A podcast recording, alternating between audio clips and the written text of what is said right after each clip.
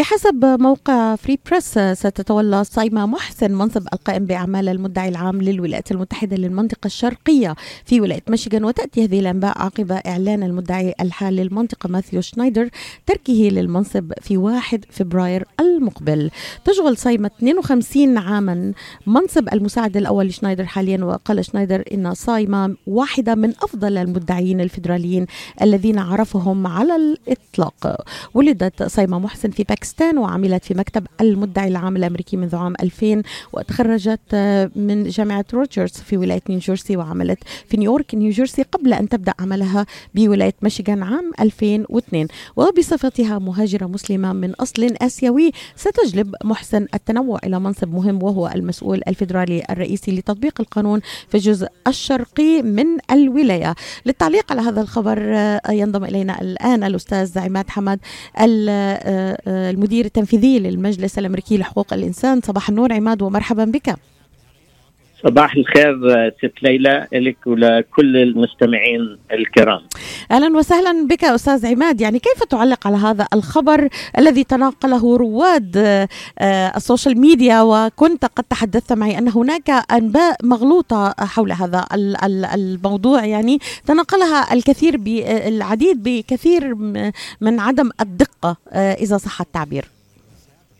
نعم صحيح. يعني اولا كما ذكرت في معرض المقدمة ذكرت إنه هي السيدة سايمة محسن كانت تعمل في وزارة العدل وفي مكتب المدعي العام منذ عام 2000 ومنذ آخر ثلاث سنوات منذ استلام المدعي العام المستقيل ماثيو شنايدر كانت هي في منصب المدعي العام الأول. يعني المدعي العام الأول عندما تتغير الإدارة الأمريكية الرئاسة الأمريكية تلقائيا يعني كخطوة تلي ذلك يتغير كل المدعين العامين في الولايات المتحدة الأمريكية. يعني في كل ولاية هناك اثنين مدعي عام واحد من المنطقة الشرقية وواحد من المنطقة الغربية من كل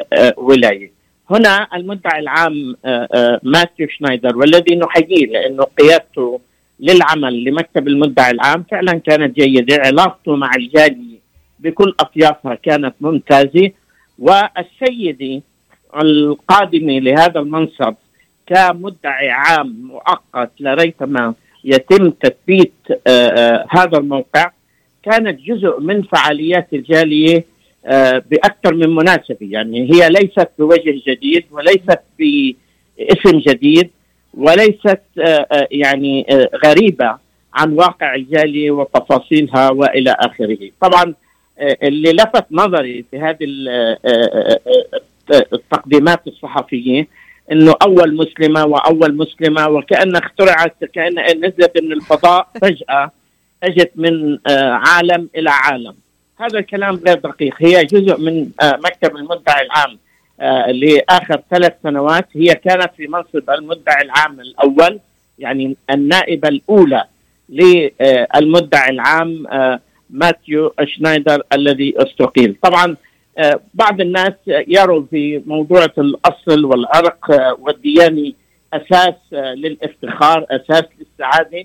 يعني أنا أتفهم ذلك و ربما ربما أستاذ عماد يعني تعطش. عفوا أستاذ عماد للمقاطعة ولكن ألا ترى ربما هذا يعود إلى الفترة الماضية أو الحقبة الماضية من إدارة الرئيس دونالد ترامب يعني حيث تم استهداف العرب والمسلمين بشكل ما. فالآن ربما رأوا أن الإدارة الجديدة ستمنحهم ربما ما يستحقون في هذا البلد كجزء من نسيج هذا البلد خاصة بعض الأوامر التنفيذية التي صدرت والتي سنناقشها معك يعني بعد المضي قدما في هذا الخبر وتغطيته معك هذا الصباح. هل ترى أن هذه نقطة ربما تعبر عن ما نعيشه كعرب ومسلمين أننا دائما مستهدفون وأن أي فرصة لنا أن نستعيد جزءا من كرامتنا؟ يعني يحاول البعض أن يجعل منها فرصة كبيرة.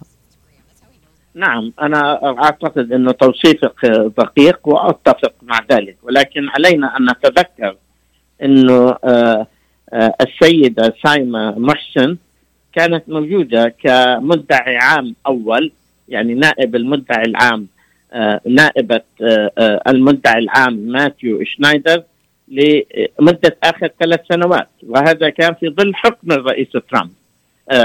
يعني لذلك ليس بحدث جديد ولكن أنا أتفق معك تماما. أنا أنا أختلف شوي بقراءة هذه الأحداث إنه يجب أن تعطي الأمور حقها. هي كانت موجودة وليست بطارئ أو حدث مستحدث وجديد وتقنيا عندما يستقيل المدعي العام الذي يعين من قبل آه، وزارة العدل ومن قبل الإدارة الجديدة لأنه تعيين المدعي العام تعيين سياسي ولكن هي ليست معينة سياسيا هي نائبة. يعني محامية أحد المدعين العام وبالتالي هي هذه مهنتها في الحياة هذا عملها في الحياة. وأيضا هلأ قد يكون قد تكون هي المدعي العام ونأمل أن تكون هي المدعي العام. لذلك لمن يريد أن يعني يجعل لهذا الشعور بالسعادة آه، أن يكون حقيقي على أن يعمل لأن تكون ولأن تصبح المدعي العام وليس المدعي العام القائم بالأعمال حاليا فقط. نعم فقط لتوضيح هذه النقطة لمستمعينا أستاذ عماد يعني هي كانت نائبة آه، شنايدر وأصبحت بالوكالة الآن آه، مباشرة بعد استقالته. هل ما أقوله دقيق؟ والذي أغفلته معظم آه، من تناقل الخبر وربما العديد من وسائل الإعلام العربية. نعم كلامك دقيق وتوصيفك دقيق وهذا ما حاولت أني أؤكد وأشير إليه أنه هي هي من داخل القوام قوام مكتب المدعي العام لأنه عادة المدعي العام بغالب غالب الأحيان يتم تعيينه آه، بشكل سياسي هو منصب سياسي. لذلك يتغير المد... يتغير المدعين العامين مع تغير الرئاسة في البلاد. وهذا يقودنا إلى ربما نقطة هامة أتمنى أن أغطيها معك أستاذ عماد. لاحقا موضوع الأخبار المضللة وتفنيدها وتناقلها على السوشيال ميديا خاصة يعني ونقل الأخبار الخاطئة فيما يتعلق في في مواضيع هامة جدا منها ما الحملة التي نخوضها ضد يعني آه، آه، هذه الأخبار المضللة والكاذبة بالنسبة للقاحات في أمريكا وحول العالم. هذا هذا موضوع مهم جدا. من أين نستقي المعلومة الصحيحة؟ وكيف نحصل نحصل عليها ومصداقيتها مصداقية المعلومة قبل أن ننقلها على صفحاتنا سواء معلومة جيدة أو سيئة يعني يجب أن يكون هناك تدقيق في نقل المعلومة ومعرفة مصادرها قبل أن آه، آه، ننقلها. كما أشرت وشكرا لهذا الإيضاح لمستمعينا. سريعا أستاذ عماد أنتقل إلى ملف هام.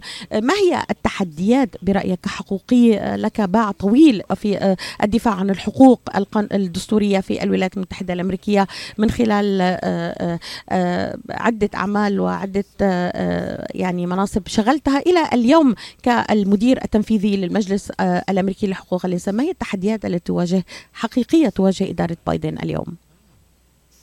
أنا أعتقد أنه التحديات طبعا قائمتها طويلة لأنه إدارة الرئيس ترامب جاءت عقب يعني أزمات وتحديات كبيرة واجهت الولايات المتحدة الأمريكية على الصعيد المحلي وعلى الصعيد الخارجي، أنا أعتقد إنه أكبر تحدي يواجه الرئيس آه، ترامب وإدارته إمكانية هذه الإدارة أن توحد يعني ما يمكن من الجمهور الأمريكي من المواطنين الأمريكيين أن توحد وأن ترأب هذا الصدع الذي أحدث يعني انقسام عمودي غير مسبوق في المجتمع الأمريكي والذي لا زال قائم.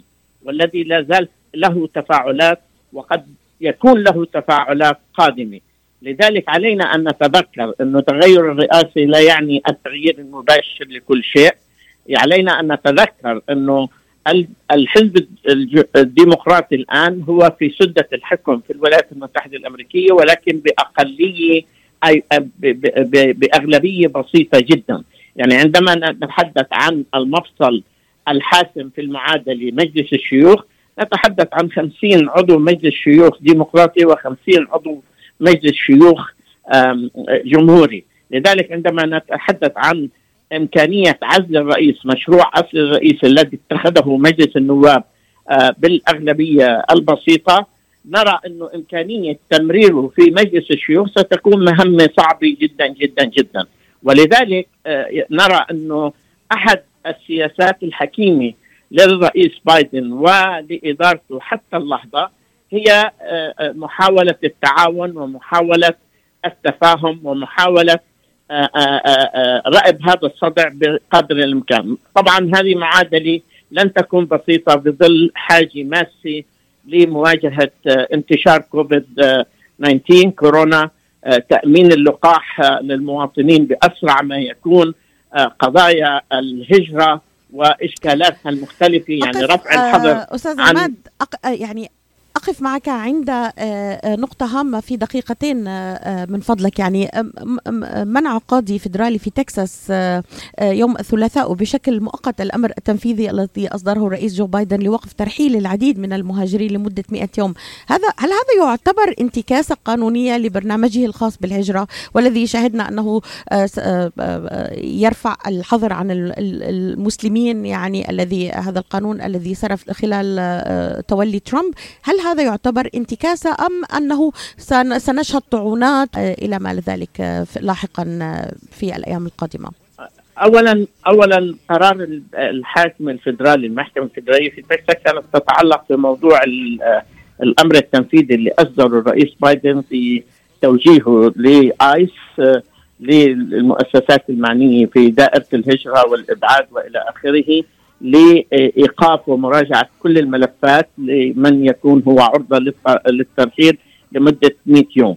طبعا كما ذكرتي بدقة أنت إنه هذا القرار مؤقت يعني سيكون هناك استئناف واستئناف واستئناف. وكما ذكرتي أيضا بدقة نحن سنكون أمام صولات وجولات.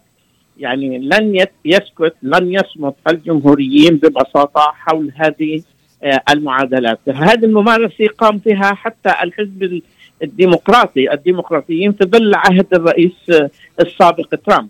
ولذلك سنرى نفس النموذج يكرر نفسه وأن الجمهوريين سيواجهوا يعني القرارات التنفيذية التي تؤخذ من الرئيس ترامب في بعضها أن تكون عرضة للصولات والجولات آه، القضائية. لذلك نحن نؤكد إنه اتخاذ الأوامر التنفيذية أو القرارات التنفيذية على أهميتها وقيمتها لا تغني ولا تسمن لأنه تتغير مع تغير الرئيس. وأفضل طريقة لايجاد لإحداث تغيير في القوانين هي من خلال المؤسسات التشريعية، عندما يأخذ الكونغرس الأمريكي قرار ويصادق عليه من مجلس الشيوخ لا يمكن ويصعب على الرئيس تغييره وتبديله، لذلك الرئيس ترامب خلق منهجية في العمل، كل قراراته كل ممارساته كانت قرارات تنفيذية ولم لم تكن قرارات تشريعية، لذلك الرئيس بايدن وجد نفسه مضطر أن يجري أن يقوم بنفس الاتخاذ الإجراءات نفسها وأن يلغي ويغير ويبدل في هذه القرارات التنفيذية، ولذلك سنكون أمام صولات وجولات قضائيه قادمة وحافله في المستقبل. في هذه النقطة الهامة وعند هذه النقطة الهامة نتوقف هنا ونستكمل معك هذه المواضيع الهامة والنقاط الهامة التي أثرتها. الفرق بين الإدارة ذهبت وإدارة قادمة والأوامر التنفيذية والأوامر التشريعية. الفرق بينهما كل هذه المواضيع والنقاط الهامة آه، نثيرها معك مجددا أستاذ عماد حمد المدير التنفيذي لمجلس آه، آه، الأمريكي لحقوق الإنسان. أشكرك جزيل الشكر على هذه الإضاءة كنت معنا مباشرة آه، على صوت العرب من أمريكا. تحياتي لك ولكل من يتابعنا الآن. إلى اللقاء.